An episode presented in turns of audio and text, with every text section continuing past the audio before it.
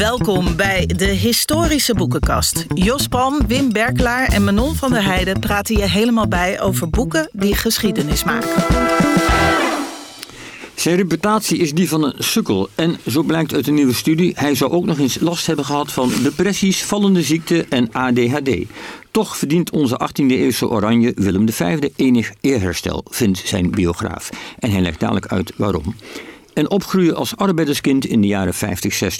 Hoe was dat? Het behalen van het MULO-diploma zagen ze in mijn familie al bijna als verraad, schrijft Wim Willems in zijn autobiografie. Dadelijk meer daarover. Verder aandacht voor een lijvig boek waarin we met de ogen van Zuid-Azië naar de 20e eeuw van kolonisatie en dekolonisatie kijken.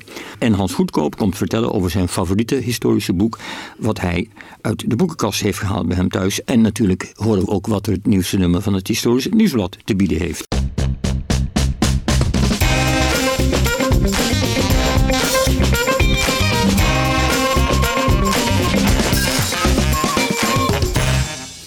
Op weg naar later. Je moet allemaal een beetje lachen vanwege die hippe muziek. Maar, en de, ja, de, de muziek heeft er in elk ja, geval Hans Goedkoop, ja, de muziek heeft er heel mooi.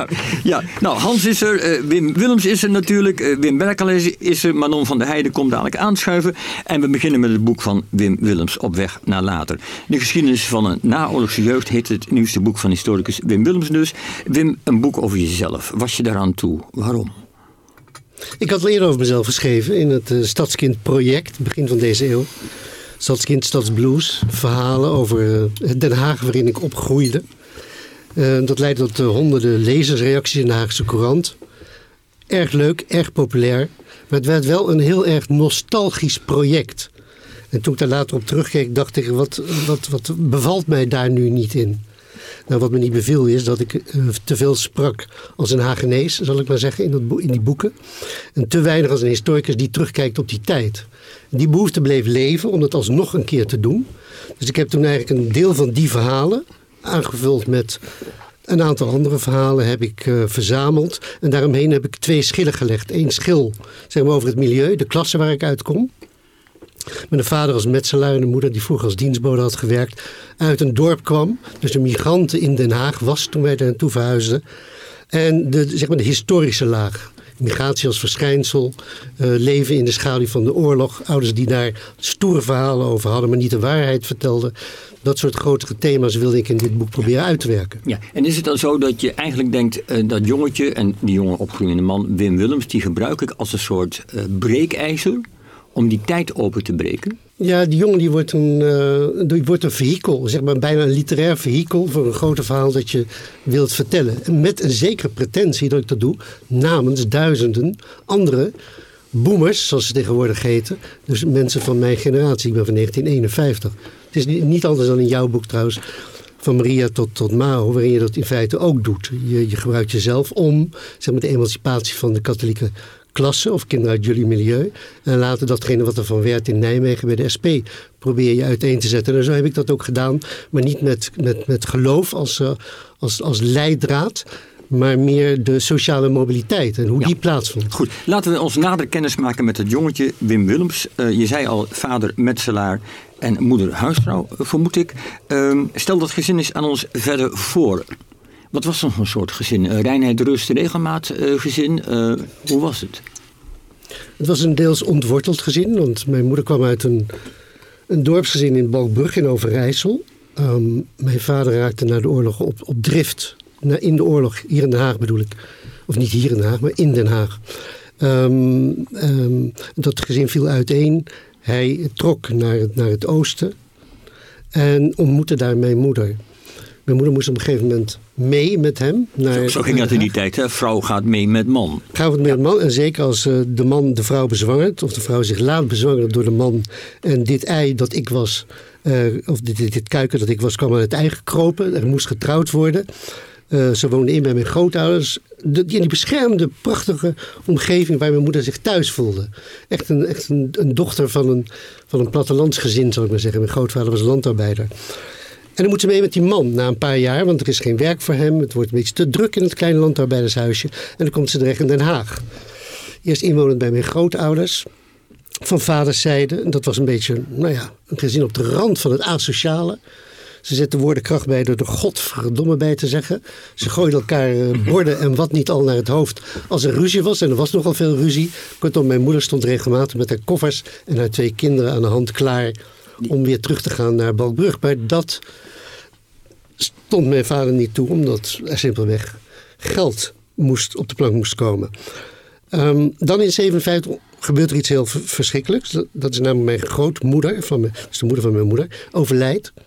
En mijn moeder raakt ontworteld. Ze was al ontworteld als een migrant in die stad. Ze had daar geen familie, ze had er geen aansluiting. Ze kon moeilijk contact maken met de buren. En dan overlijdt zeg maar de, ja, de kloek, de oermoeder, de, de vrouw aan wiens leidsels zij door het leven bewoog. Uh, met als gevolg dat een jaar later ze dat gezin niet meer kon runnen en ik naar een kinderkolonie werd gestuurd. En die kinderkolonie is voor mij cruciaal. En dat deel ik trouwens met heel veel kinderen, bleek later uit die verhalen. Want je werd zes weken gewoon opgesloten ergens in de bossen. Dit zijn, wat het jongetje Willems moest aansterken. Dit zijn de beroemde bleekneusjes. Uh, ja, dit zijn de beroemde hij, bleekneusjes. Hij, moest aansterken, er moest gegeten worden. Ja, uh, daar was die rustreinheid en regelmaat. Die kwam er toen ook, ook werkelijk in. Um, en het, kijk, ze hadden toen een, dat hele begrip neurasthenie. Kijk, als, als, Zenuwenleier. Een zenuwenleiertje. Maar als het gezin armoedig was, of uh, vader of moeder redden het allemaal niet. Wat deed je dan? Je stuurde zo'n kind via de huisarts gewoon naar zo'n zo'n kolonie toe. Wat deed het met jou, terugkijkend? Je zei het was cruciaal voor mij. Ja, dat is cruciaal. De, daar ontstond wat je zou kunnen noemen een soort verlatingsangst. Uh, daar ontstond het gevoel, je staat er alleen voor. Zes weken lang kwamen mijn ouders niet langs. Ze wisten niet dat dat mocht. Uh, of ze hadden geen geld om er naartoe te komen. Dus dat, dat, dat moment, dat is, een heel, ja, dat is natuurlijk iets heel persoonlijks. Maar toen realiseerde ik, ik sta er alleen voor. En dat is een gevoel dat eigenlijk altijd is gebleven. Ik sta er alleen voor. Dat heeft me trouwens ook geholpen om later in dat gezin, er kwamen nog twee kinderen bij, om, om me daaraan te ontworstelen, om daarvan weg te gaan. En, en ik voelde een kracht om dat te doen. En die kracht is eigenlijk gevormd uit een misvorming, namelijk in die kinderkolonie. Ja, het is mooi wat je zegt, want het boek gaat ook van hoe, hoe komt deze jongen uit zijn eigen milieu. Hè? Hoe, hoe, hoe, hoe, trekt hij zichzelf aan het touwladdertje wat niet klaar hangt omhoog uit dat arbeidersmilieu. Mm hoe gaat dat dan? Want je hebt je kinderkolonie. In je boek schrijf je ook, dat vond ik ook verbazingwekkend, dat een van de plekken waar je uit je milieu brak, nota bene de padvinderij was, de scouting. En nu is het ingewikkelde dat ik bij de scouting en de padvinderij niet aan een geestverruimende verruimende club denk. En veel mensen niet. Wat, wat deed dat dan met je? Hoe kwam je dan daar... Ja, wat was... Hoe, hoezo bracht dat je uit je milieu? Ja, het is niet anders bij de socialisten, de AJC of, of, andere clubs. Iedereen heeft zijn club, zijn vereniging. Kijk, het grote voordeel daarvan is, je komt uit die wijk. Wij groeiden op in een isolement. Ik zeg altijd in een wijk, in een soort biotoop van twee, twee vierkante kilometer. Dat was het. Dat geldt trouwens voor heel veel mensen, tot op de huidige dag, dat je niet uit die biotoop komt. Die padvinderij, door die padvinderij brak ik daaruit. Weliswaar lag die dichtbij, maar wij gingen de stad in. We gingen de duin in. We gingen, dus je raakte in aanraking, je ging de sporen zoeken van, van die stad in het groot. Terwijl ik thuis leefde in de stad in het klein, in de wijk in het klein. De wereld was je straat. Dat, de wereld was je straat en een paar straten eromheen. Maar je moest ook niet twee, drie straten verderop komen. Want dan kon je door de iets grotere jongens meteen tegen het plaveisel worden geworpen. En, en was het ook zo dat je bij die padvinderij andere gedachten tegenkwam? Andere jongens, andere mensen? Nee, ik denk dat daar de leergierigheid die, blijk, die ik blijkbaar in mij had, die werd daar gestimuleerd. Dus ik werd een uitslovertje dat alle die insignes wilden halen. Ik haalde ze ook alle tien. Alle knopen kon uh, Alle knopen kon leggen. Dat is zo leuk Hans, want al die knopen die ik kon leggen, die zijn me in de loop van de tijd allemaal uit mijn vingers verdwenen. Zinloze kennis. Maar toen vond ik het fantastisch. Zelfs het huishoudinsigne haalde ik om mijn moeder te behagen. Um, en en ja, op die manier kwam je in aanraking met, met, met meer waarde, met meer met meer uh, stimulans. Ja, de, wereld wordt groter. Hè? Dat, dat, is, dat is het patroon wat iedereen meemaakt die uit zijn eigen milieu emancipeert. Er zijn mensen die hem aanraken of dingen die hem aanraken die hem uit het vertrouwde, veilige, onwaarschijnlijk veilige, veilige patroon had. Waar, waar, ik ook wel benieuwd naar ben, hadden je vader en je moeder, wat voor verwachtingen hadden ze van Wim? Ik bedoel, dat, dat Wim professor, hoogleraar zou worden, hadden zich dat toen jij een klein jongetje was ooit kunnen voorstellen? Nee, natuurlijk niet. Dat weet, dat wist ze zelfs nu niet. Mijn vader is onlangs overleden op 92-jarige leeftijd. Maar Ze hebben natuurlijk lang helemaal niet begrepen waar ik naartoe ging. Dat, dat is natuurlijk ook wel de tragiek. Dat is tragiek ook voor heel veel migrantenkinderen. Kijk, als je eruit breekt, uit die, uit die klasse, uit dat milieu, als, uit, die, uit die omgeving, is het heel erg moeilijk om dan de taal te blijven spreken van thuis. De taal dan als metafoor voor alles wat je ontwikkelt. Hè? Je culturele oriëntatie, de mensen met wie je omgaat. Dat is al heel snel. Wat doet die jongen? Wat, wat, wat, zelfs toen ik mijn dissertatie schreef, was het al. Ze zagen het wel. En ze vonden het mooi hoor, al die hoogleraren met die zwarte jurken om je heen in het cortège. Maar ze hadden natuurlijk geen enkele voorstelling. En geen enkele... Maar hebben ze het voor je gewild, je ouders? Nee, Ben je ge- absoluut niet. Nee, Oh, ze- het is hun helemaal overkomen. het is hun overkomen, of liever gezegd, ze hebben aan de zijkant gestaan van Maar- het leven dat ik ben gaan leiden. Maar Wim, in een van je andere boeken, Wim, eh, Ja? één seconde. Ga je. Eh, in een van die andere boeken, dat is een van de dingen die ik altijd, ik onthoud altijd heel weinig. Maar sommige dingen onthoud je bijvoorbeeld, Mhm. dat je daar schrijft dat je vader jou achter op zijn brommer, ik geloof Mhm. een zundap, naar de avondschool brengt. Of heb ik dit verzonnen? Nee, dit, dit heb je niet helemaal goed onthouden. Mag ik het zo zeggen? Nou kijk, dat kan ook. nou, vertel het maar eens dan. keurig, Wim. Vertel het dan maar eens hoe het wel zat. Eh, eh, op het moment dat ik mijn MULO-diploma haal. Daar zit- daar zijn we nog niet zo ver, hè? alhoewel de MULO voor mijn ouders ook wel een zo op terug. woestijn was waar ik, eh, waar ik terecht kwam en uit hun zicht bleef. Maar toen ik mijn examen haalde, heel jubelend, geen, geen mobiele telefoon, maar ze kregen toch te horen dat ik. Mijn vader stond daar, dat is gewoon een beeld dat ik heb. Hij stond er op die zundap en hij zei, en? Ik zei, geslaagd. Hij zei, oké, dan gaan we naar, naar je moeder toe. Dat, dat, we gaan naar je moeder toe. Dat, dat, dat, vond, dat vond hij belangrijk. Laten we nog even nog bij die MULO stilstaan, want dat vond ik ook zo typerend.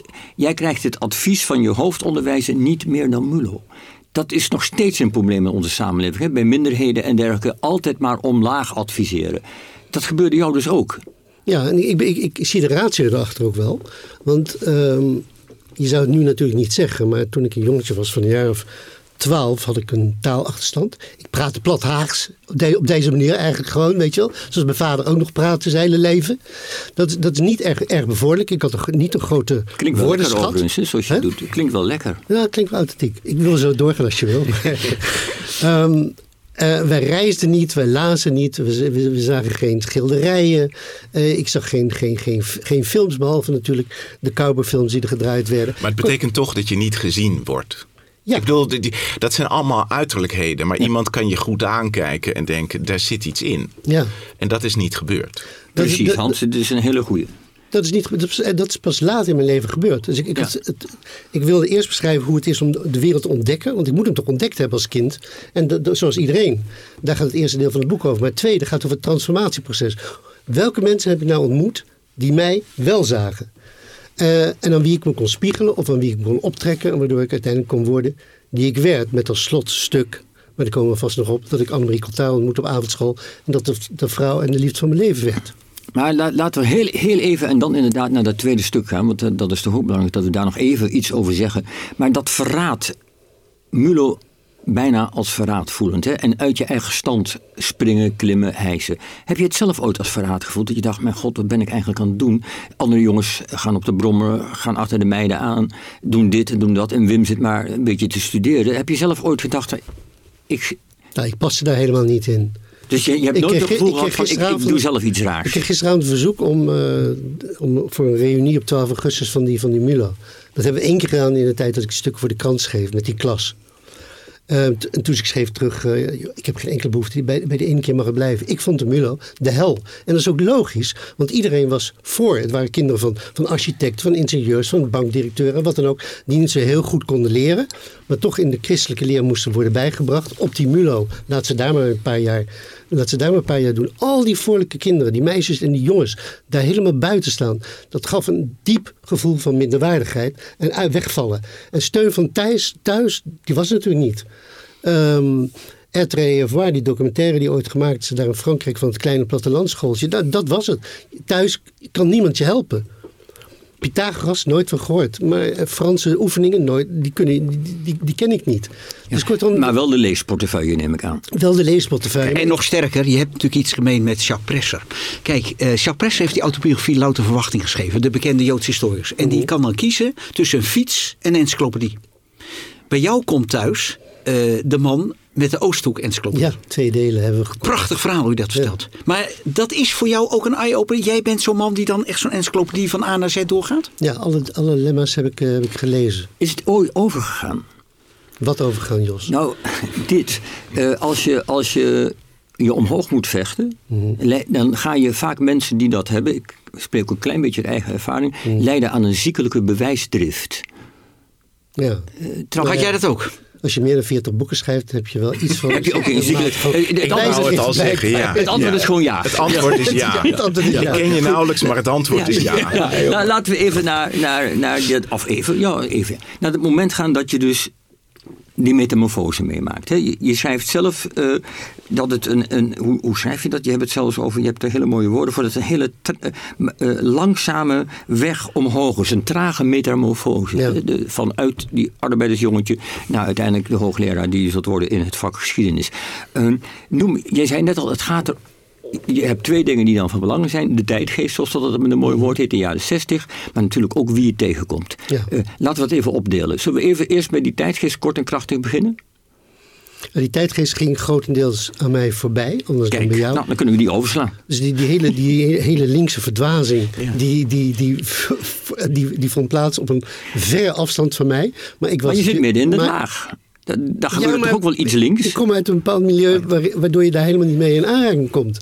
Dan, dan moet je zeker ontwikkeling hebben doorgemaakt om dat te doen. Dus het enige wat ik ervan af, wat ik ervan pikte was lang haar, eh, je alternatief kleden, op een gegeven moment je, je joints roken en al die, al die onzin meer. Eh, dat is wat er gebeurde. Dus zeg maar het, meer- het meer, het meer mm, genotzuchtige van die tijd. Daar gaf ik me aan over, voor zover je dat kunt zeggen. Niet in overdreven mate, maar Kijk, wat belangrijk was, is niet, niet dat linkse gedachtegoed. Wat belangrijk was, eh, was dat ik op, eh, op 16 ging werken. En daar een man tegenkwam. En die nam mij mee naar atletiek. Eh, daar wierp ik met een kogel letterlijk mijn rug in de vernieling. En daarna ging ik over op atletiek, lange afstanden lopen. Voor lange afstanden bleek ik een talent te hebben. Oké, 10 kilometer, beste tijd. Vijf kilometer weet ik nog 16 minuten. Oké, dat is heel, heel behoorlijk, Wim. Dat is heel behoorlijk. Ik, ik, Ik, ik spreek uit enige ervaring, ik mag het zeggen. Ja, dat weet ik. Dat, dat, Ja. dat weet ik. En, en wat die man, wat de atletiek mij bijbracht, is, is twee dingen. Eén, discipline. Twee, uithoudingsvermogen. En ik heb achteraf wel eens gedacht dat uithoudingsvermogen, om altijd maar door te gaan. Daar heb ik later, in mijn intellectuele werk, als ik het zo mag noemen, heb ik daar enorm profijt van Volgens mij speelt er nog iets mee, namelijk uithoudingsvermogen en eh, eh, discipline. Maar ook de kennis dat iets doen wat naar is, wat niet altijd leuk is, dat daar een beloning wacht. Ja. Kijk, twee uur hardlopen, trainen is niet altijd even leuk. Maar je weet dat je achteraf je beter gaat voelen. Je weet dat er een beloning komt. Ik denk dat dat ook een heel belangrijk punt is. Omdat die beloning, je weet dan dat werken beloond wordt. Maar is dat ook zo voor jou? Ja, dat is absoluut zo. Dus, dus, eh, ik ben ook nooit een korte stukkenschrijver geworden, maar meer iemand die in boeken is gaan denken, later in mijn leven hoor, bedoel ik. Voor de meeste mensen is dat bijna onoverkomelijk, want het duurt namelijk heel erg lang. Uitstel. Een jaar, twee jaar, drie jaar. Ik kijk jou niet aan, Hans. Maar ehm, het, het duurt gewoon lang. En heb je het uithoudingsvermogen om het toch af te ronden na vier jaar? Zoals in deze ja, staat. Laat- laten we even- met even- atletiek te maken, volgens ja, mij. ik, ik begrijp. ik- ik- Wim, even de, de harde feiten zijn: eh, lagere school, avondschool, MAVO. eh, Nee, zo, MAVO bedoel ik, MULO. Een meer uitgebreid lager onderwijs voor wie het niet weet. Eh, dan ga je zelf de avondschool Atheneum doen, geloof ik. Hè? Ja. En dan ga je uiteindelijk studeren. Ja. En tijdens dat studeren kom je mensen tegen, onder meer Annemarie Cotard. Nee, nee, nee, op avond dat nemen. Kijk, ik ik kom op twee ple- plekken de belangrijkste mensen tegen. Daar gaat dit boek ook over. Ja. Ik eindig alleen met Annemarie. En dat is dus met atletiek. Dan op mijn werk ontmoet ik, eh, ontmoet ik mensen. Dan ga ik op kamers wonen. En in dat huis, het huis van de hospita, daar gebeurt het. Het is echt marques. Het huis van de hospita is voor mij zo'n soort begrip. Want daar kwam ik alternatievelingen tegen. Kunstenaars, mensen die muziek maakten. De hospita had met mes en vork, wat ik helemaal niet kon. Dus ik, ik, ik voelde me schutterig. Ehm, maar ja, ze draaide wel Chopin. En we keken naar films eh, bij haar beneden op de televisie. Dus, en ik werd verliefd natuurlijk op de dochter van de hospita. Die daarvoor haar verloofde verliet. En een half jaar later verliet ze mij weer. Maar, goed, ehm, kan gebeuren. het kan gebeuren. En zij stimuleerde mij. Ga naar avondschool. Juist. Vrouwen hebben het altijd in mijn leven gedaan. Wim, we gaan, eh, we gaan afsluiten. We gaan, en dan gaan we even uit de harde werkelijkheid van Wim Willems zoomen naar de grote lijn. Ehm, als je je boek van afstand bekijkt, eh, dan is het toch ook het verhaal over eh, een samenleving die heel langzaam, maar zeker de vanzelfsprekende ongelijkheid in de samenleving van zich afschudt. We zitten nu weer in een soort samenleving van waar die ongelijkheid weer opnieuw op een andere manier lijkt te ontstaan. Is er nog een, een les uit jouw boek te trekken van hoe, hoe we dat een beetje zouden kunnen voorkomen, hoe we daarmee moeten omgaan met zo'n ontwikkeling? Nou, het is heel ingewikkeld. In de eerste plaats, die sociaaldemocratie heb ik enorm van kunnen profiteren. Dat ik een beurs heb kunnen aanvragen. Mijn vader had natuurlijk geen geld.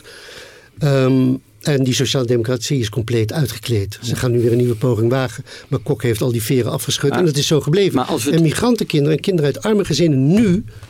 die plukken daar de wrange vlug, vlug- vruchten van. Net zoals ik dat destijds deed. En dat, dat is iets, dat, dat tij zie ik niet zo makkelijk te keren. Dus op individueel niveau kan ik alleen maar zeggen... dat elk mens moet, als hij iemand tegenkomt... die hem of haar verder kan helpen...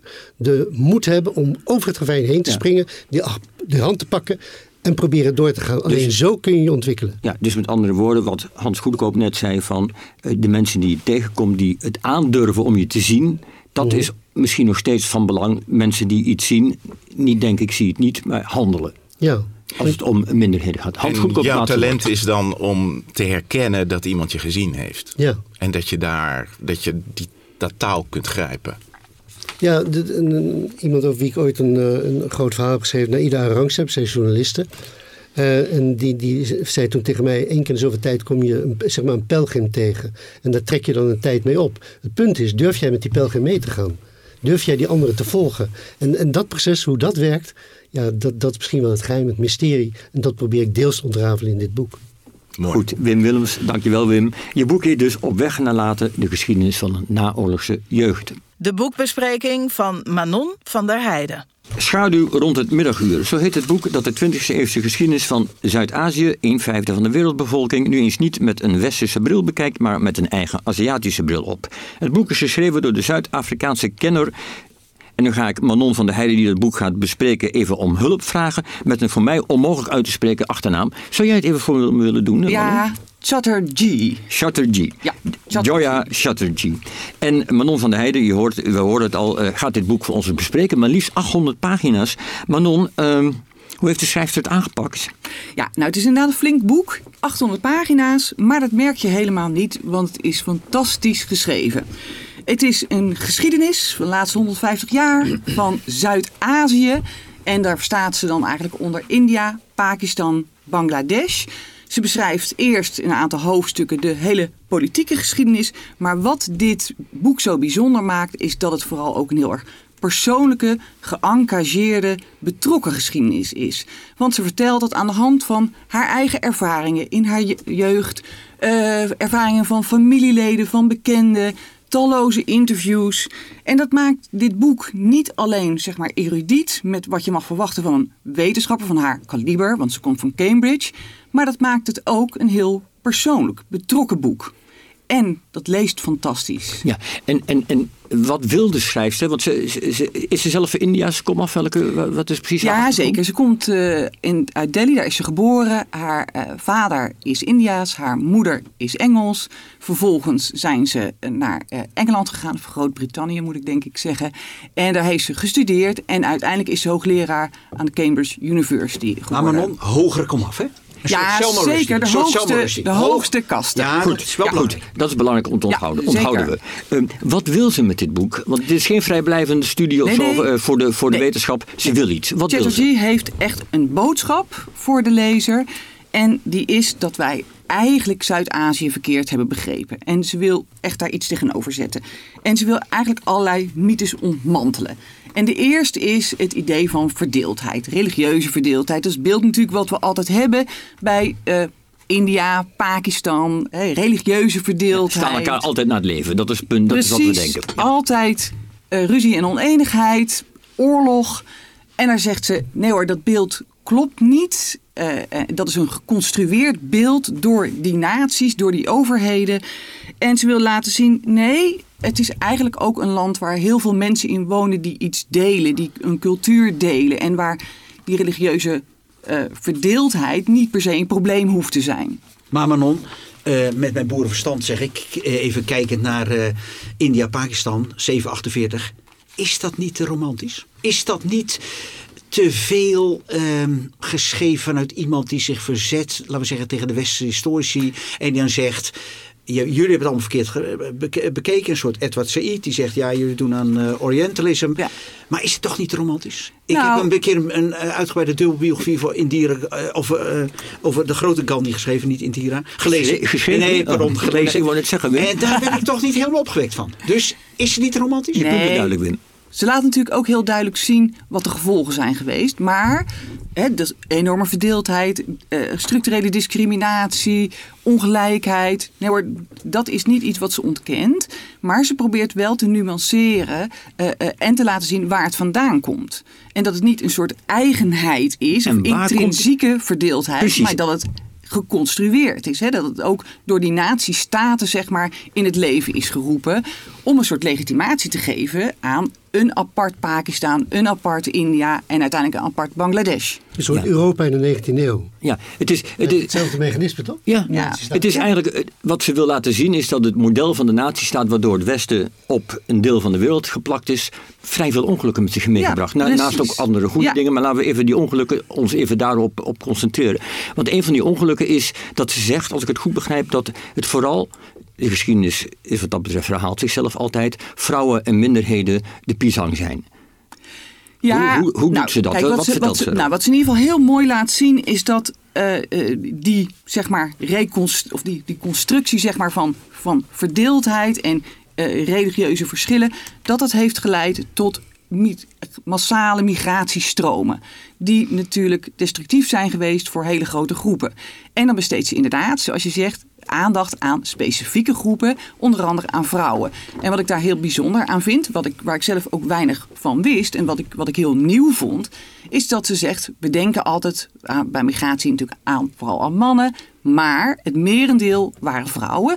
En dat komt gedeeltelijk natuurlijk door dat nationalisme, maar ook door de familiestructuur. Want vrouwen, als die gaan trouwen, die moeten mee met de familie van de man.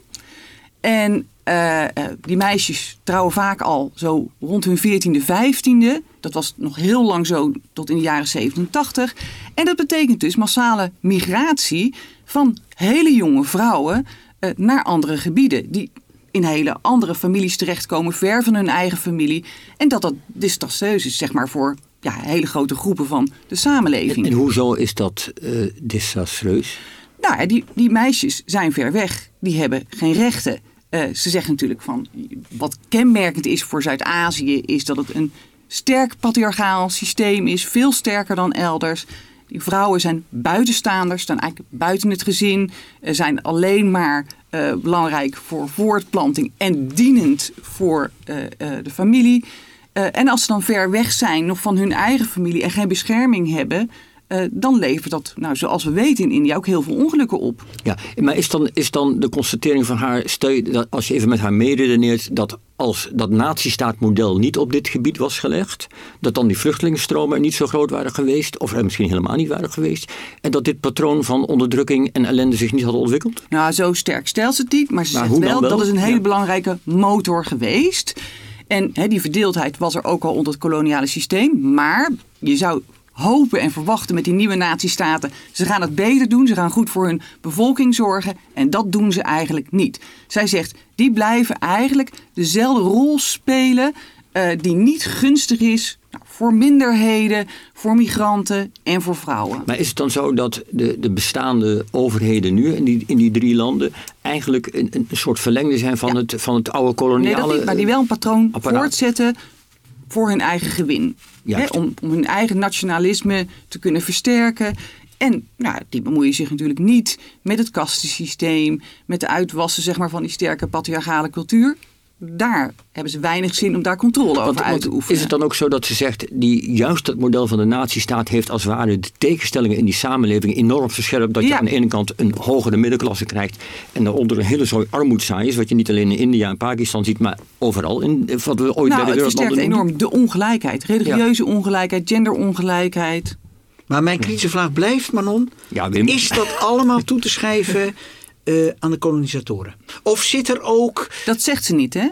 Maar ze probeert heel erg te laten zien van wat zijn gevolgen geweest van nationalisme En probeert daar veel meer te laten zien. Wat ook de gevolgen zijn geweest voor het merendeel van de bevolking. Nou, ik sla een beetje aan op En voor, voor eigenlijk groepen waar we heel weinig aandacht voor hebben. En Nou. ik denk dat dat echt haar verdienste is. Nee, dat, dat betwist ik natuurlijk. Jij kent het boek ook. Maar mijn, mijn kritische vraag is, eh, en dan sla ik een beetje aan op het kastensysteem. Dat kastensys- eh, kastensysteem, is dat inderdaad iets, een vrucht van dat kolonisatieproject? Ik weet daar gewoon weinig Nee, maar van. dat- dat- of is dat iets wat nee, ook te maken heeft niet. met... Nee, ja, nee, dat zegt ze ook niet hoor. Nee.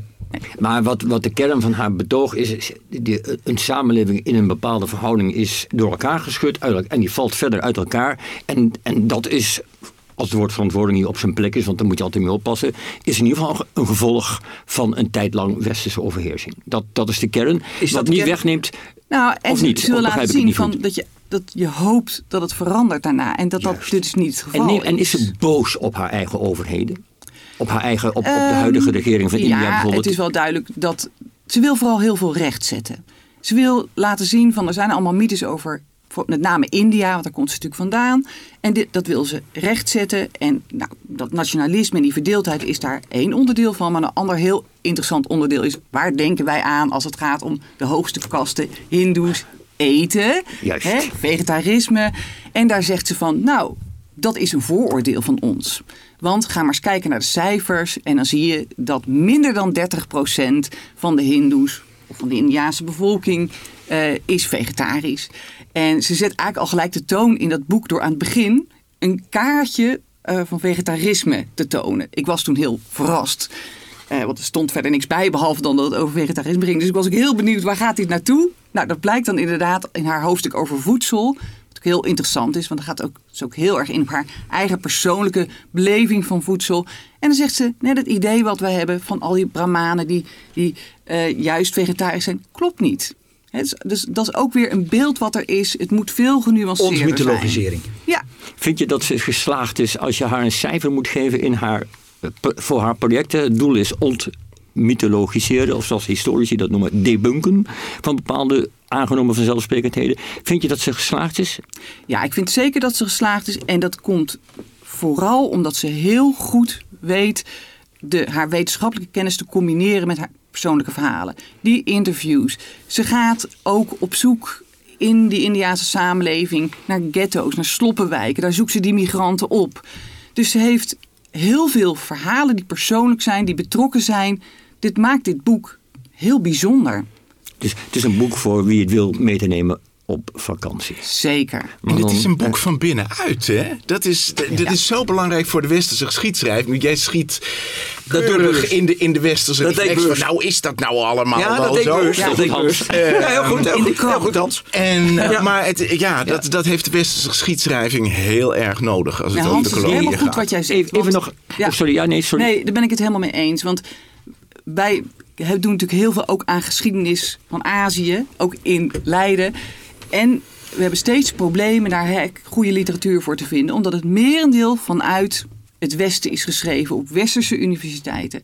En heb je hier iemand met alle kennis, met, eh, eh, maar ook de achtergrond en die van binnenuit schrijft. Manon. Nee, en het rare is, Hans, ik moet er even. Ja, natuurlijk. Het is, weet ja, je, maar wij je moet gewoon weer terugkomen. in, in, in de westerse wereld. En ook in ons eigen Nederland. En ook aan de Universiteit van Leiden. Om te denken, ja, maar wij hebben de kennis van, die, van, van de wereld daar. Dus wij gaan het vertellen. Ik ke- ken nu, doordat ik in door Indonesië gereisd heb, inmiddels aardig wat Indonesische historici die op een Erasmusbeurs naar Leiden kwamen. Een paar jaar daar gezeten hebben. En eh, die, geschiedenis, die gedeelde Nederlands-Indonesische geschiedenis bestuderen. En dan zeggen, ja, ik ging terug naar Indonesië en ineens realiseerde ik me dat iedereen daar in Nederland bereid was om mij van alles te leren. Maar niemand aan de Universiteit van Leiden heeft mij gevraagd, hoe zag het er van jouw kant uit? Ik, eh, ik nog sterker En vertellen. dat is, weet je, dat is, dat is niet, dat is niet Hans. 70 jaar geleden, niet 50. Dat is nog na het jaar 2000, Hans. in de 21ste Ja, eeuw. eh, Twintig jaar geleden kende ik een historicus die alles wist van eh, Afghanistan. En die zat bij mij aan de keukentafel en die zei letterlijk deze woorden: die mensen begrijpen hun eigen land niet. Ja. Eh, Oké. eh, Laat ons maar even. Ja. Goed. Ehm, heel kort nog even. Die titel, hè, Schaduw rond het middaguur. Is dat een eh, variant op het beroemde boek van Arthur Kussler, eh, Darkness at Noon? Weet je dat? Is dat, is dat Nee, ik weet ook niet. Niemand Nee, weet nee. dat? Want dat, Ik dat weet lijkt iets meteen van op. Kussler, maar dat- nee. ja. nee Oké, ik nou dan laten we het daarbij. Manon, dankjewel. Ja, De tip van Hans Goedkoop. Hans, vertel, wat heb je uit de kast geplukt? Ja, ja dat, eh. Ik, ik, ik begon bij Michelin, de vrouw van de revolutie. eh, heb ik allemaal als student gelezen. Vond ik geweldig. Tot mij ineens inviel, wat houdt mij nu eigenlijk bezig? En dat heeft allemaal te maken met oorlog. Oorlog en narigheid. Misschien ook wel door eh, onze actualiteit. En toen dacht ik aan het boek wat ik, eh, in, wanneer kwam het uit? 2012 meteen gelezen heb. Wij weten niets van hun lot van Bart van der Boom. Over, ja, hij noemt het de holocaust. Ik kan dat woord nog steeds niet uitstaan. Ik zou zeggen Shoah.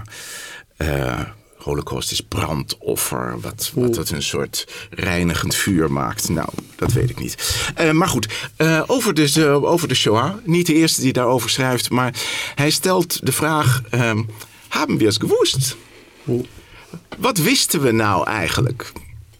Eh, en dat tegen de achtergrond van een toen heel actuele ontwikkeling. Dat vind ik ook altijd interessant als een, een historisch schrijver zichzelf kan plaatsen binnen de actualiteit. Van dit wil ik nu weten, omdat dat nu een relevante vraag is.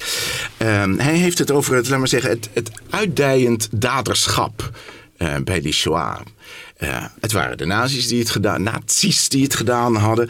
Maar er waren ook medeplichtigen en er waren ook toeschouwers. En die toeschouwers waren misschien eigenlijk ook medeplichtig. En zo wordt een heel continent, het hele Europese continent, wordt tot dader uitgeroepen. En het zit allemaal in ons en het wordt steeds zwaarder Ja, gemoraliseerd. een, een omstander wordt een dader omdat hij niets heeft gedaan. Dat, dat is de kern van, het, van, van ja. het verwijt wat nu speelt. En waar hij op zoek gaat, klopt hier inderdaad. Ja, want het, le- het leidt tot het idee, we, je wist het toch, we weten het toch allemaal.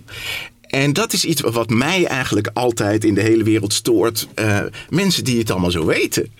Eh, Achteraf, ja. maar ja, mijn, mijn impuls is altijd om te denken, oké, weten we dat? Nou, dat herken ik hier heel sterk. Kijk, je in Hoe, hoe heeft hij het gedaan?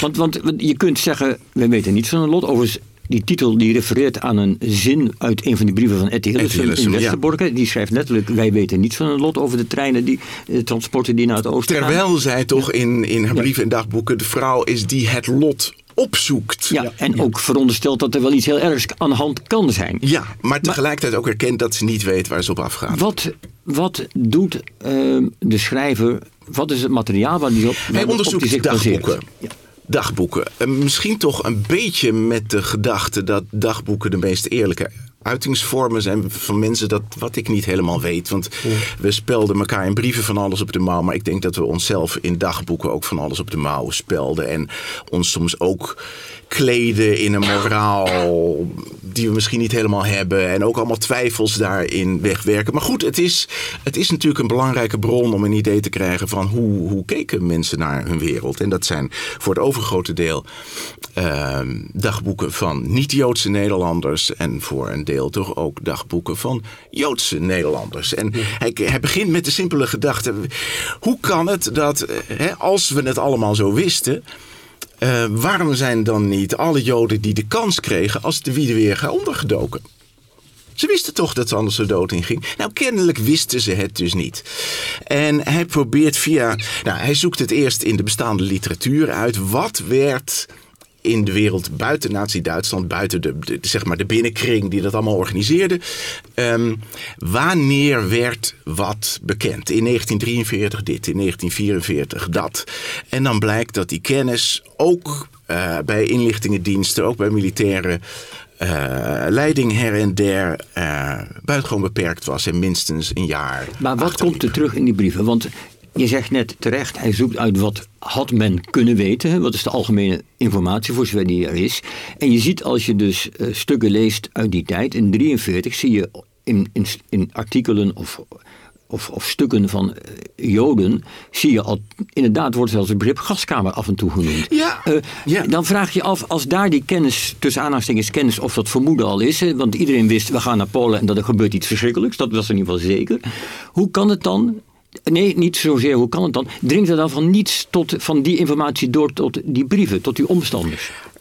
Nou ja, en dan wordt het dus heel ingewikkeld. En dan gaat het over welke informatie bestond en hoeveel mensen bereikte die en hoeveel, hoe moet die kennis zich verspreiden om massa te krijgen en een, bij een bredere groep het idee te hebben, dit moet aan de hand zijn. En dan blijken er allemaal dubbelzinnigheden in de terminologie te zitten. Uh, veel mensen gebruiken in dagboeken uh, vernietiging, termen als vernietiging, uitroeiing. Maar zegt hij, ga je dan verder kijken, dan blijken ze toch ook te denken dat de Joden naar werkkampen gaan. Uh, ze blijken toch ook tegen het eind van de oorlog nog uh, te hopen of te denken of autoriteiten te geloven die zeggen een paar weken voor de Nederlandse bevrijding waren er hier nog berichten dat bijna alle Nederlandse Joden uh, in gezondheid, redelijke gezondheid waren aangetroffen. Ja, heel ingewikkeld. Dus, dit is, ja. Maar, er, is, er is een soort mist van informatie, desinformatie, vermoedens, hoop, kennis, maar die is niet te controleren en iedereen maakt er iets van. En, en daarbij die terminologie, hè, uitroeiing, et cetera, die wordt bijvoorbeeld, dat vind ik een fascinerend detail, Wilhelmina gebruikt die ook in toespraken als het over Joden gaat. Maar dat gaat in één uh, zin over in ja. de uitroeiing van de Nederlandse volksgeest. Mm-hmm. Dus uitroeiing is een soort. Is een, is een, in, in de gonzende, ronkende taal van de vaderlandsliefde moet je dat allemaal niet te letterlijk nemen. Dus het is heel ingewikkeld wat we wel en niet weten. Hey, Hans, uh, hoe zit het met de kritiek van Nou ja, kijk, je, je, weet, jij zult ook die discussie hebben gevolgd. Evenie Gans en uh, Remco Ensel. Remco Ensel heeft een stuk geschreven. Wij weten iets van hun lot. Dat is dus een kritiek op. Wij weten niets van lot. Hoe beschouw jij dit boek in het licht van die kritiek? Hebben die critici een punt? Of zeg je, uh, nee, het is te scherp. Hoe bekijk je het? Nou ja, wat ik, wat ik, die... wat ik fascinerend aan het boek vind, is dat het door heel structureel geordend onderzoek van die dagboeken helemaal ten einde denkt van wat staat daar nou eigenlijk? En dan komt hij tot de conclusie, dat, dat onderbouwt hij heel goed, uh, dat woorden als uitroeiing, et cetera, daarin niet betekenen wat je er nu achteraf aan toekent. De vervolgvraag is natuurlijk, als het waar is dat dat wij niet weet, wisten van hun lot, maar wel allerlei vermoedens hadden. En, en dat lijkt me de kerndiscussie. Um, hadden we niet iets kunnen weten? Ja. Hadden we niet iets verder moeten gaan om iets te willen weten? En Bart van der Boom stoort zich ontzettend aan, aan termen als uh, verdringing. Van, um, hij zegt dat hadden we helemaal niet nodig. Er zit natuurlijk toch een psychologische component aan. Het, ja. Dat kan niet anders. Want als je, het, het, is een, het is misschien altijd een beetje te plat om het te doen, maar ik doe het toch maar even. Als je het vluchtelingenprobleem, al die de genocide op de Middellandse Zee van nu vergelijkt, we weten het allemaal. Ja, oorlog en, en in Jemen. Pas, en ik denk pas dat je wat gaat doen op het moment als je op de Middellandse Zee op een bootje rondgevaren hebt en een keer of vijf iets gezien hebt vergelijkbaar met wat jij net vertelde over Indonesië. En dat je dan zegt tot hier en niet verder. En als je dat niet meemaakt, dan kun je doen alsof je het weet of niet weet, maar je, je, je wilt het ergens niet weten, want het is niet te verdragen en het is fijner om het weg te houden. Ja, en Daarmee kun je nog geen harde conclusies trekken over toen, maar toch twijfel, gereden twijfel lijkt me op zijn plaats. Ja, maar ik, je kunt het ook in minder beschuldigende termen uh, zien. Wij leven in kringen van, van empathie. De kleinste kring is familie en nauwe vrienden. En, en, en, en zeg maar in onze huidige wereld Oekraïners blijken toch nog tot een kring van onze empathie te behoren, zoals Syriërs dat niet horen. En wij worden steeds meer opgeroepen om het klimaat, de hele wereld, de dieren, de planten mee te nemen in onze empathie. En je merkt dat dat bijna onmogelijk is. Er blijven toch binnen- en buitenkringen van de empathie. Um, Geldt dat ook voor Joden in die tijd? Ja, dat is zo interessant. Dat ja, nee, Joden, dat, dat, dat, dat, dat Joden in die dagboek ja, in dezelfde situatie blijken te zitten als andere Nederlanders het ook niet weten. Dus er zijn... Maar niet alleen dat misschien, Hans, maar ook dat die empathie van ons niet uitstekt tot de Joden omdat het toch ander volk was in die tijd? Dat, dat is wel een interessante dat, ja, dat, dat wordt door sommigen uh, gezegd. Je, je leest, Van der Boom schrijft daar ook over, er zijn ook veel niet-Joden die zich toch in die dagboek enorm verbinden met Joden. In... En, die, en, die, maar... en, en zelfs NSB'ers hij heeft een aantal voorbeelden van NSB'ers die dan die ster zien en die dat toch heel maar, vinden. Maar, maar, maar Hans, even een hard feit. Als je de onderduik bekijkt.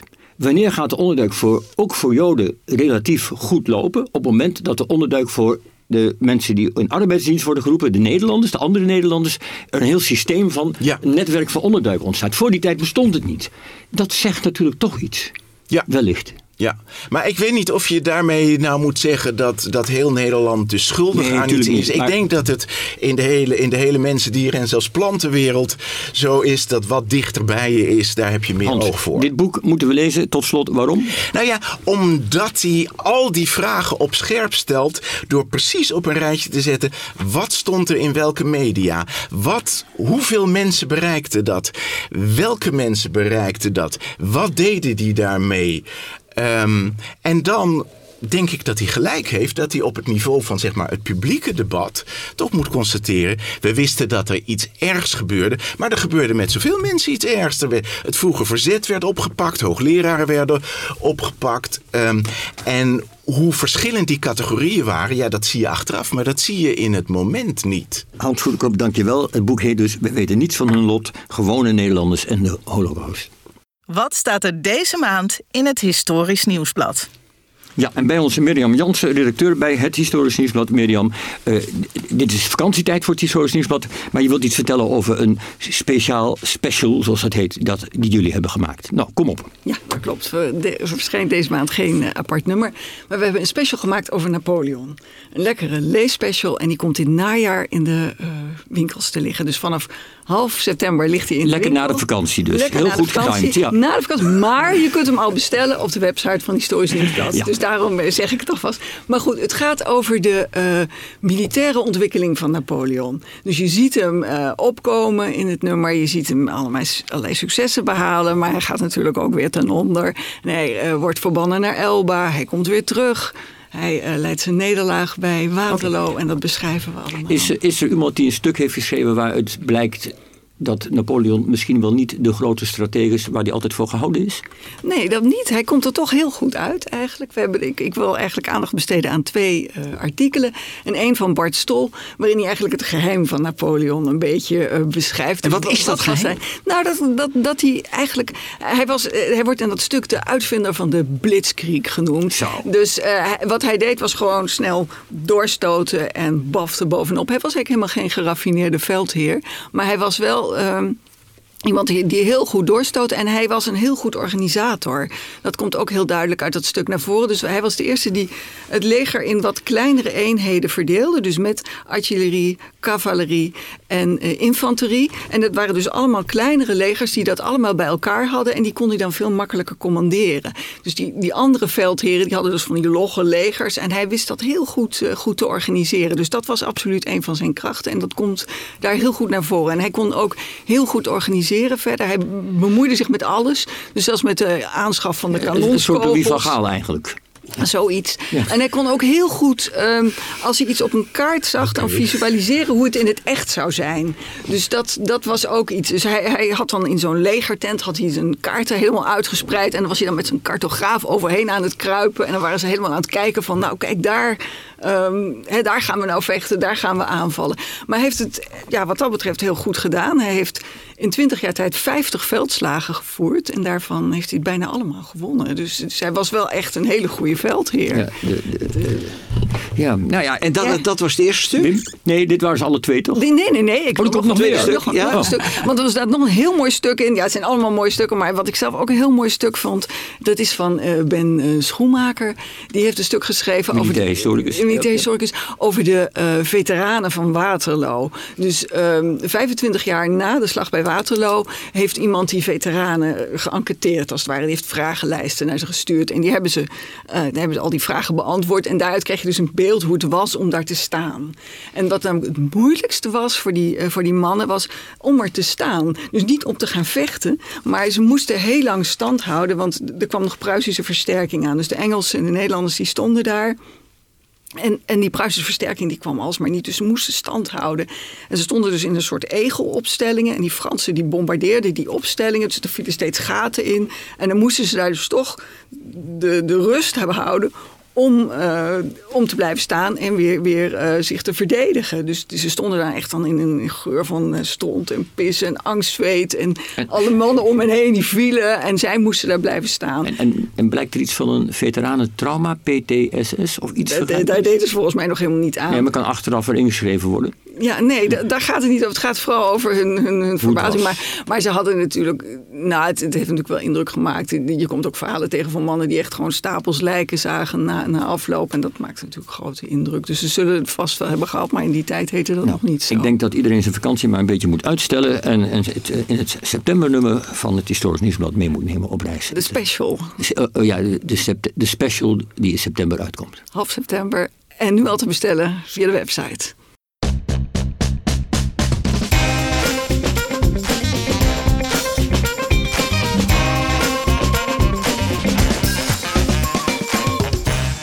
Hij zou kort en dik zijn en nog geen half uur achtereen op een paard kunnen zitten en zijn bewind zou een aaneenschakeling zijn van rampen en eindigde met een overhaaste vlucht naar Engeland. Kortom, leven en werk van stadhouder Willem V, geboren in 1748 en gestorven in 1806, waren niet bepaald een groot succes. Zo wil de overlevering.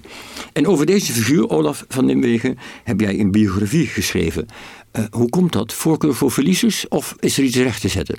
Ja, ik, ik vind Willem V gewoon een fascinerende persoon. Omdat hij in heel veel opzichten niet beantwoordt meestal aan het beeld wat je hebt van historische personen. Hè? Dat ze, zeker personen uh, op hoge posities, dat ze ja, heel daadkrachtig zijn of heel gemakkelijk het hun af lijkt te gaan. En Willem V is dat natuurlijk duidelijk niet. Maar er is van hem zo'n negatief beeld ontstaan. Dat is eigenlijk ontstaan in de patriottentijd. En dat is eigenlijk blijvend geworden. Zonder ook maar enige ruimte om op een andere manier naar hem te kijken. Ja, even die patriottentijd. Dat is de tijd dat eind 18e eeuw uh, hier de, de, laten we zeggen, onze revolutionairen uit die tijd... Uh, ja, de bewind gaan voeren dus- en, en, steeds meer invloed en macht krijgen. En die hebben een, een, een, een beeld over hem afgeroepen van wat ik net vertelde, een slappeling. Ja, omdat ze dat paste in hun streven. Ze wilden eigenlijk uh, het, het, beleid aanzien te passen. En ze vonden dat hij dat te in de weg stond om een ander, vooral een buitenlands beleid te kunnen voeren. Wat vooral gericht zou zijn op uh, een strijd met Engeland. Hè? Want Engeland werd in de ogen van de patriotten gezien als het grootste gevaar voor de, ja, voor de, de positie van de republiek in, de, in Europa en in de wereld.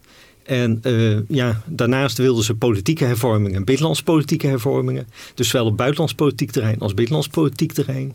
Uh, ja, zagen de patriotten op een gegeven moment Willem V in, uh, als iemand die hey, en, in de weg stond. En Olaf meteen het diep in. Was het een slappeling? Wat, klopt dat beeld? Of je hebt het gevoel dat jij hem nee, rehabiliteert? Nee, sorry? Jij, je hebt het gevoel dat jij hem rehabiliteert. Doe je dat op goede gronden? Of is het toch wel, als ik het boek lees, denk ik, het is toch wel een beetje een wijfelaar. Een... Ja, dat is hij ook. Maar tegelijkertijd eh, vind ik wel heel verklaarbaar waarom die vaak twijfelt. Er zijn natuurlijk enorme beslissingen die hij moet nemen. Oké. En daar kun je natuurlijk heel makkelijk overheen stappen. Maar dan, ja, het is altijd natuurlijk een moeilijke scheidslijn tussen roekeloos gedrag en uh, proberen tot een heel overwogen keuze, uh, keuze te komen. En dat is misschien wel een van de kanten van hem de vijfde, is dat hij wel heel erg nadenkt over dingen die hij moet gaan doen. Ja, en dat kan soms voor mensen die natuurlijk wel in de positie zitten dat er misschien een besluit genomen moet worden, kan dat wel in zijn nadeel werken. In dat soort opzichten is die wel moeilijk tot een besluit kan die komen. Ja, en je legt natuurlijk ook, vind ik, heel goed uit hè, waarom die ook een, een moeilijke positie heeft. En wat zijn persoonlijke problemen ook zijn daarbij. We, we moeten even, ik, ik, ik, dat is heel goed dat Manon mm -hmm. zegt, maar we moeten even één stapje terug maken. Namelijk, wat was een stadhouder? Wat was dat voor een beest? en uh, hoezo, mhm. wat was zijn plan? Wat wilde hij eigenlijk zelf? Uh, een stadhouder dat was eigenlijk een soort de baas van het leger en de vloot. Die eigenlijk onderhoorig zou moeten zijn aan de politieke leiding van het land. Dan gaan we niet uitleggen hoe dat was, dat maakt het veel te ingewikkeld. Maar zo, dat vat ik het nee, zo goed samen, Olaf? Ik denk heel belangrijk om te zeggen, een stadhouder is geen monarch. He, dat is natuurlijk heel belangrijk. Hij was een, hij was een functionaris. In dat opzicht de hoogste uh, ambtenaar van de republiek. Maar hij bekleedt zijn functie wel op grond van uh, erfelijkheid. Hè. Dat was natuurlijk het stadhouderschap uh, was oorspronkelijk een gekozen functie waar iedereen in kon gekozen worden, die een bepaalde status had. Langzaam is dat in het familiebezit gekomen van de familie van de, de Oranjes en van de Nassau's. En vanaf 1747, 48 wordt het erfelijk gemaakt in de hele republiek. En Willem V was de eerste uit het Huis van Oranje en Nassau die erfelijk stadhouder was van alle provincies samen. Maar hij bleef een functionaris. Ja, had hij stiekem een ja. plan? Wat, wat, je, wat je dan, als je, wilde hij eigenlijk meer? Wilde hij dat Oranjehuis nog steviger en belangrijker maken? En had hij misschien stiekem in zijn hoofd, misschien word ik ooit wel vorst, monarch? Nee, nee. Willem de V, het interessante van Willem V is dat hij juist eh, erfelijk zoveel bevoegdheden krijgt die eigenlijk zijn voorgangers niet gehad hadden of heel langzaam hadden weten te verwerven. En hij is eigenlijk daar de bekroning van. Hij is de bekroning eigenlijk van al dat samenvallen van al die functies eh, in zijn persoon. En hij ziet het als zijn grootste taak om te behouden wat hij dus erfelijk heeft gekregen, waar dus zijn ouders, zijn voorgangers voor gevochten hebben. Of door omstandigheden gekregen hebben. Hij ziet zich daarvan de bewaarder. Ja. Dus Nou, Olaf, mag ik zeggen dat hij daar eigenlijk te, te zwaar mee is belast?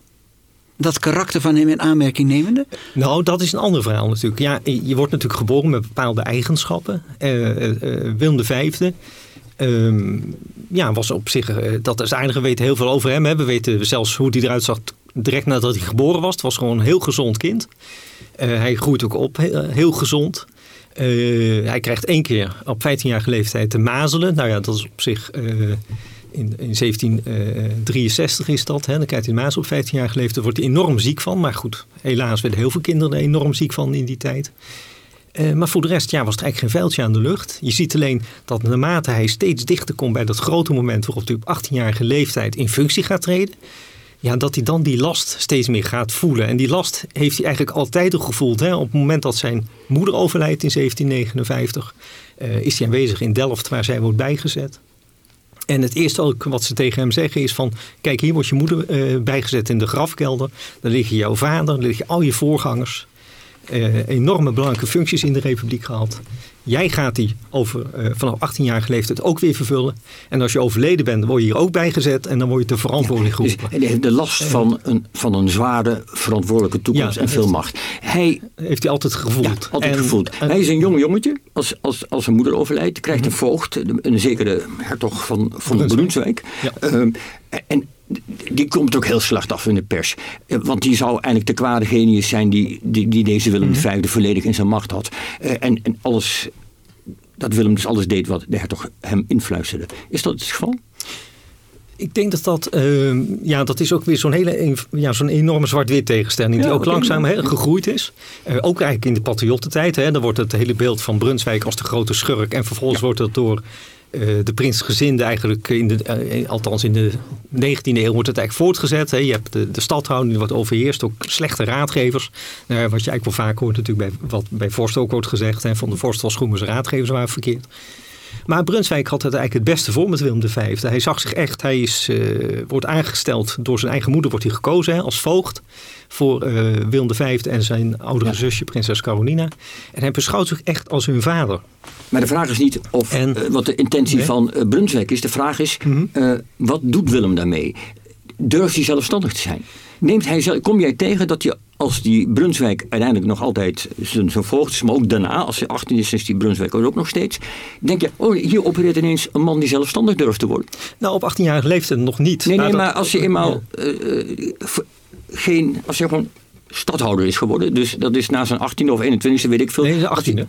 18e. Ja. Dus als je eenmaal stadhouder is, wordt, wordt het dan een zelfstandige man? Of blijft hij altijd een beetje aan de pootjes Ja. hangen van Brunswijk? Daar had hij tijd voor nodig. Mag ik nog even, Ja, toch weer even want ik wil nog even terug tot het persoonlijke. Want volgens mij is nou juist zo belangrijk wat je laat zien in je boek, dat hij met nogal wat persoonlijke problemen is behept. Wat zijn functioneren ook Nou, moeilijker maakt. Daarom is dat, hè, daar wou ik ook even naar terug inderdaad. Omdat in 1765, als hij dus die, de, voordat hij 18 jaar wordt, hè, dan krijgt hij voor het eerst die vijf epileptische aanvallen. Hè, en die, gelukkig daarna krijgt hij ze niet meer. Maar dat ja, wijst wel heel erg op hoe stressgevoelig hij is. En dat verstoort ook wel eh, zijn, de voltooiing eigenlijk van zijn opleiding. Hè, want in 1765, eh, in het voorjaar van 1765, krijgt hij die vijf epileptische aanvallen. Daar is hij het hele jaar mee bezig om daarvan te herstellen. En ook in 1766 is hij nog steeds niet helemaal hersteld. En je hebt het nog En- over een andere aandoening eigenlijk, hè, die heel vernieuwend is in jouw boek, wat we tot Mhm. nu toe nog helemaal niet hebben gelezen. Noem het beestje Over even bij de naam. Nou, dat wordt, begint langzaam inzichtelijk te worden. Hè. Ik zeg ook niet, hè, dat, eh, bedoel, eh, je hebt het natuurlijk over iemand die, die kan zelf niet meer eh, antwoorden geven. Hè. Dus daar moet je natuurlijk heel voorzichtig mee zijn. Maar het is wel heel opvallend, vind ik. Als je dan gaat kijken naar allerlei factoren die aangevoerd worden, eh, hoe hij functioneert en ook die hij zelf vaststelt. Dus dat hij het heel moeilijk vindt van hoofd van bijzaken te onderscheiden. Dat hij het heel moeilijk vindt om een tijdsplanning te maken. Dat als hij te maken krijgt met onvoorziene gebeurtenissen, uh, ja, wat hij zo mooi noemt, nova emergentia, dus onverwachte dingen dan zie je dat hij heel erg in paniek raakt en het overzicht kwijtraakt. Dus hij werkt keihard. Hij kan uren proberen te schrijven. Hij schrijft heel veel. Hij kan heel goed ook dingen onder woorden brengen. Maar het moet wel in een bepaalde beheerste En jij noemt, dat, jij noemt dat met 21e eeuw Nou, als je dat ADHD. allemaal kijkt, inderdaad. Maar ik denk, ik moet voorzichtig opbouwen, omdat het natuurlijk iets is. Ja, ja. dat zeg je niet zomaar. Ja. Maar de nee, dus papieren voor Willem worden niet beter naarmate ons gesprek vordert. Um, nou, ja, dat, dat, dat, kan, dat kan gebeuren hoor. En dat is ook helemaal niet erg. Um, want een man had ik zou zeggen, er zijn zoveel vorsten die een man achter de die heel jong moeten beginnen en een, macht, een man achter de troon nodig hebben. En op een gegeven moment, naarmate ze ouder worden, lossen ze die langzaamaan en hakken eventueel hun hoofd af. Ja, maar Willem ja, Maar is dat dan ook het patroon wat bij Willem het nou, geval is? Wat Hans zegt, dat hij naarmate hij ouder wordt, ondanks dat het getij hem tegenzit, dat, de, de, de, dat, dat de, de Fransen op een gegeven moment binnenvallen en dat hij in een onmogelijke positie komt, zie je dan toch een man die sterk en zelfstandig gaat opereren? Ja, nou, ik, wat toch even, je moet even ook af van dat schurkbeeld van Brunswijk. Hè? Ik bedoel, Brunswijk uh, ziet zich ook als een belangrijk, hè, die, die functie van dus degene die probeert Willem V te adviseren. Dat komt voor een deel doordat hij dus die ziekte ziet, hè, die ontstaat in 1765. Zijn opleiding is nog niet voltooid. Vervolgens moet Willem V in de praktijk zich laten zien. Hè? Hij is pas 18. Hij moet nog trouwen. Hij moet nog een gezin stichten. Hij moet dat eh, erfstadhouderschap toch ook wel een monogale, meer quasi-monogale uitstraling geven. Om duidelijk te maken van, uh, ik ben hier wel erfelijk uh, gekomen, maar hè, dat vertaalt zich ook in de positie die ik inneem. En dat moest hij ook doen, omdat hij natuurlijk in tegenstelling tot zijn voorgangers niet iets had gedaan, waardoor hij als het ware eh, een beloning kreeg, zoals de ik zeg niet de stadhouder koning in 1672. Hè, die kon zeggen van ik heb enorme macht, maar dat mag ik hebben, want ik heb de republiek beschermd tegen de Franse aanvallers. Nou, Willem V kon natuurlijk uh, via erfelijkheid op de troon heeft eigenlijk zichzelf nog niet kunnen bewijzen. En daar was tijd voor nodig. Nou, en dat, uh, uh, dat is de verklaring, lijkt mij, waarom Blunswijk zich in eerste instantie dus zo heel erg blijft. Ja. maar Olaf, nou, noem, nou, noem je ook, nou noem je ook een tweede naam. Hij gaat trouwen, hij sticht een gezin. Die tweede persoon in dat leven, waar ook altijd verhalen over gaan, Wilhelmina van Pruisen. Had hij iets in te brengen of was zij de baas in dat huis? Ja, nou het aardige is, je kan wat we nu eigenlijk zeggen over Willem V, dat kunnen we grotendeels ook over Wilhelmina van Pruisen zeggen. Nou, Die komt als uh, eh, 16-jarige, wordt ze uitgehuwelijkd. En dat is helemaal de keus van haar favoriete oom, uh, Freek de Groot. En Freek de Groot is echt de aansturende kracht. Net zoals dat je Brunswijk onderhand kunt plaatsen achter Willem V. Als jonge Willem V. Zie je dat Wilhelmina van Pruisen heel lang eigenlijk heel braaf haar best doet om uh, haar oom te, uh, te, te plezieren. Het beeld is natuurlijk Wilhelmina de heldin en Willem de zwakkeling. Ja, en, dat, en, en mhm. vind je nou uiteindelijk dat, dat we dat moeten nuanceren? Ja, ik denk dat Wilhelmina, eh, kijk, eh, als je natuurlijk naar karakters kijkt, is Willem V een heel ander karakter dan Wilhelmina. En Wilhelmina kan op, heel langzaam, ze ontwikkelt zich. Dat is wel dat aparte. Willem V blijft vrij constant dezelfde persoon. He, stilstand is achteruitgang, heb ik wel Ja, het is niet echt stilstand. je kan ook zeggen dat hij een hele stabiele factor is en zij ontwikkelt zich niet. Ja, even, even dit, want we, we, moeten langzaam zeker naar een slot toe. Um, kijk, je, je kunt natuurlijk uh, van alles over deze Willem uh, zeggen waar ik benieuwd naar ben, is hoe je, hoe je daarnaar kijkt. Een, man die met zijn eigen land in oorlog raakt, want dat is wat er gebeurt. Als de patriotten echt in opstand komen, eh, dan, is, dan heb je natuurlijk wel echt een probleem. Eh, ja, dat heeft hij ook niet. Ja, ja, ja, dus, Tot zover akkoord. Ja, dus dan heb je, heb, je, heb je echt een groot probleem. En, hij, en, en het tragische is dat hij die oorlog verliest. Uiteindelijk. Hè. Dus eerst komen de Pruisen hem en zijn, en zijn vrouw Wilhelmina steunen. Nou, die, gaan, die, die, die verdwijnen weer, zullen we voor het gemak even zeggen. En dan vallen de Fransen ons land binnen. En krijgen de patriotten de macht. En onze Willem neemt een bootje naar Engeland. Mhm. Dat is een tragische afloop uh, voor een man die ook al een tragisch levensverhaal heeft. Als je dat nou allemaal bij elkaar legt. Was zijn missie om dat stadhouderschap sterk te houden eigenlijk bij voorbaat kansloos? De verwachtingen waren natuurlijk wel enorm hoog. eh, gezien ook natuurlijk de problemen waarmee, eh, eh, die op dat moment internationaal spelen. Waarbij natuurlijk ja, de republiek van een grote mogendheid meer naar een normaal land was aan het veranderen. hè. Want ik bedoel, het wordt altijd veel over de achteruitgang van de republiek. Maar het was nog altijd heel rijk. Ja, de oude republiek, de tijd van de Gouden Eeuw, toen, toen, toen een, bepaald raar had. te Dus dat, veranderen. dat viel in deugen. Rond 1700 begint dat langzaam te veranderen. Terwijl je ziet dat landen als Engeland en Frankrijk, die groeien nog steeds hard door. En je ziet dat eigenlijk de republiek die komt tussen, ja, tussen hamer en aanbeeld te zitten, tussen die machtsstrijd. En daar moet een antwoord op gevonden worden. Ja, en dat is inderdaad iets, ja, dat eh, is natuurlijk de vraag hoe Willem V, Ja, of hij die- daar zo handig mee om is gegaan. die En wat is je antwoord? Wat is je antwoord? Nou ja, is dat- hij er handen mee omgaan? Had een ander het beter, laten we zeggen, een van zijn voorgangers, ik zou maar zeggen, stadhouder koning, had, had een ander het anders kunnen doen, naar jouw gevoel? Als je het helemaal analyseert. Kijk, dat is altijd heel moeilijk te zeggen natuurlijk. Maar je kan wel zeggen, ik denk dat als, hè, als je een afweging had gemaakt van eh, heel erg ging redeneren van waar komt nu het grootste gevaar vandaan. Dan kon je op dat moment zeggen Engeland was het grootste gevaar. Eh, dan moest je natuurlijk accepteren dat Frankrijk, dat je die zou kunnen gaan vertrouwen. Ja, dat is natuurlijk altijd moeilijk, hè, want hoe onbetrouwbaar zijn mogendheden in internationale betrekkingen. Maar ik denk wat doorslaggevend was, was dat Willem V enorm kon zien dat het een eh, enorm probleem zou worden om voor de Republiek om stand eh, effectief te kunnen vechten op zee tegen de Engelsen. Maar ja, eh, een groot deel van de natie die begint te ontstaan. De Nederland begint te ontstaan in die tijd in de zin dat we zijn allemaal wel mensen van verschillende provincies, maar we hebben gemeen dat we allemaal Nederlanders zijn. Ja, die riepen om oorlog, hoe dom dat ook is. Hè? Want je kon zien dat dat eigenlijk heel slecht zou kunnen gaan aflopen. Ja, we hebben natuurlijk enorm geluk gehad met Doggersbank. Dat ze daar wel eh, succesvol hebben gevochten. Maar het was natuurlijk een heel, onder, eh, toch een heel wonderlijk besluit... om maar zo enthousiast die oorlog in te willen Ja, springen. Maar het, het, het voert niet veel te ver. We raken de weg kwijt. Ehm, Kijk, die, die, die, die, die Willem komt tussen hamer en aanbeeld te zitten. Net als het hele Hollandse eh, ouderwetse staatsbestel. Hij neemt goede besluiten, hij neemt slechte besluiten. Hij neemt zwakke besluiten. Hij gaat een oorlog tegen Engeland voeren omdat het volk dat zou willen. Of wie dan ook. Uiteindelijk loopt het allemaal niet goed met hem af. Ehm, is uiteindelijk, moet de conclusie dan misschien zijn... deze Willem vlucht naar Engeland. Concipieert daar Willem I, nieuwe koning. Is dat zijn grootste prestatie geweest uiteindelijk? Oh, arme nee, ik man. denk dat hij dat Nee, zelf dat is een flauw grapje, maar ik wou toch even Nee, maar ik denk dat, nou, het aardige is misschien nog zo'n heel klein stapje terug. Het, het aardige is dat die patriotten dus eigenlijk niet van Willem V af wilden. Hè, als je ook ziet in die, eh, die Ja, hele hij moeten machtsstrijd blijven natuurlijk. Hè? Ja, ze wilden een andere stadhouder. Maar wat ze zeker niet wilden, was dat iemand anders van hem de functie zou overnemen. Hè, En dat- sterker zou blijken te zijn. nou ja, of in het ergste geval Wilhelmina, wat wel eens gezegd wordt, stadhouderes. Nou, dat was voor de patriot een gruwel. Hè, van dat er een stadhouderes zou komen, een Pruisische stadhouderes. Dat was het plan van de prinsesinde, van radicale prinsesinde, niet Olaf, van de patriotten. Als jij jouw eigen hoofdfiguur een cijfer zou moeten geven aan de opdracht die hij zichzelf gesteld had en hoe hij het gedaan heeft. Wat voor cijfer wordt dat tussen de 10 en de 1?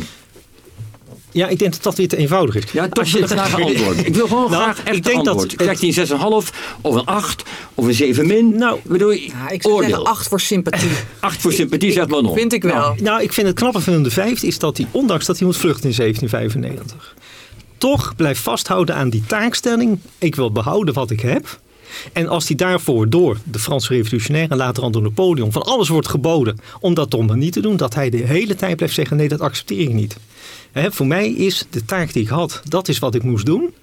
En dat koning Willem I, hè, zijn zoon, dat laterhand dan wel heeft geaccepteerd, dat vond Willem V zelf. eh, hij- Standvastigheid, ook acht. heeft hij niet. Ja, dus wat dat gaat, is hij qua karakter. Moreel, moreel, moreel dat hij eh, deugt. eh, als hij geschikt was voor de functie die hij had. Ja, ik denk dat daar. Eh, dat het niet kwam omdat hij een zwakke persoon was. Maar dat hij gewoon bepaalde eigenschappen had. waardoor hem dat functioneren uitermate moeilijk werd. Dit vind ik een fantastische opmerking. Het is niet dat hij een zwakke persoon is, maar hij heeft bepaalde eigenschappen waardoor het functioneren moeilijk wordt. En daar dat kun je is, toch dat is niks- hetzelfde als een voetbalverslaggever die ooit zei van. eh, eh, als, speler, eh, eh, eh, als spelers individueel spelen ze geweldig, maar als team maken ze er niks van. Nou. Dus, eh, het is een hele interessante opmerking die je nu maakt. Ja, maar er zijn denk ik weinig voetballers die geboren op het veld worden gezet. En dat ze zeggen van jij bent de topvoetballer en jij gaat die spelen. Goed, ik vind hem zo'n interessant romanpersonage als je over hem vertelt. Zo'n man die eigenlijk bij zijn geboorte al alles tegenkrijgt. Hè, met zijn gezondheid. En, en in een land gesandwiched tussen grootmacht. Een land dat zich heel wild ontwikkelt in die tijd. En dan nog in oorlogen terechtkomt. Het, het, eh, en dan moet je er maar wat van maken. Dat je denkt, onze lieve heer...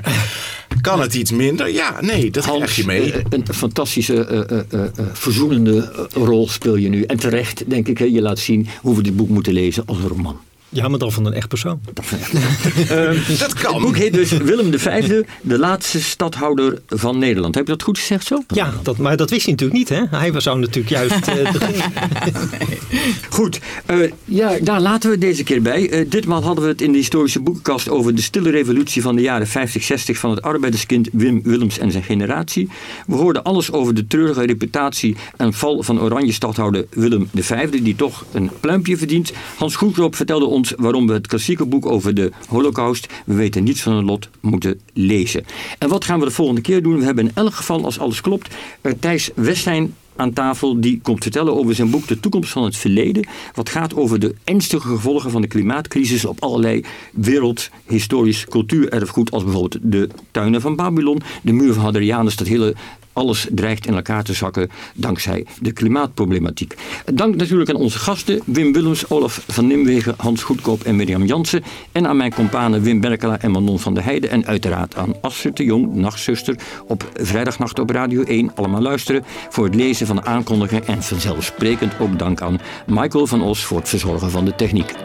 Je luisterde naar de Historische Boekenkast. Een podcast van Historisch Nieuwsblad. Wil je meer weten over historische boeken en verhalen uit de geschiedenis? Schrijf je dan in voor de nieuwsbrief via historischnieuwsblad.nl slash nieuwsbrief. En heb je vragen, opmerkingen of tips?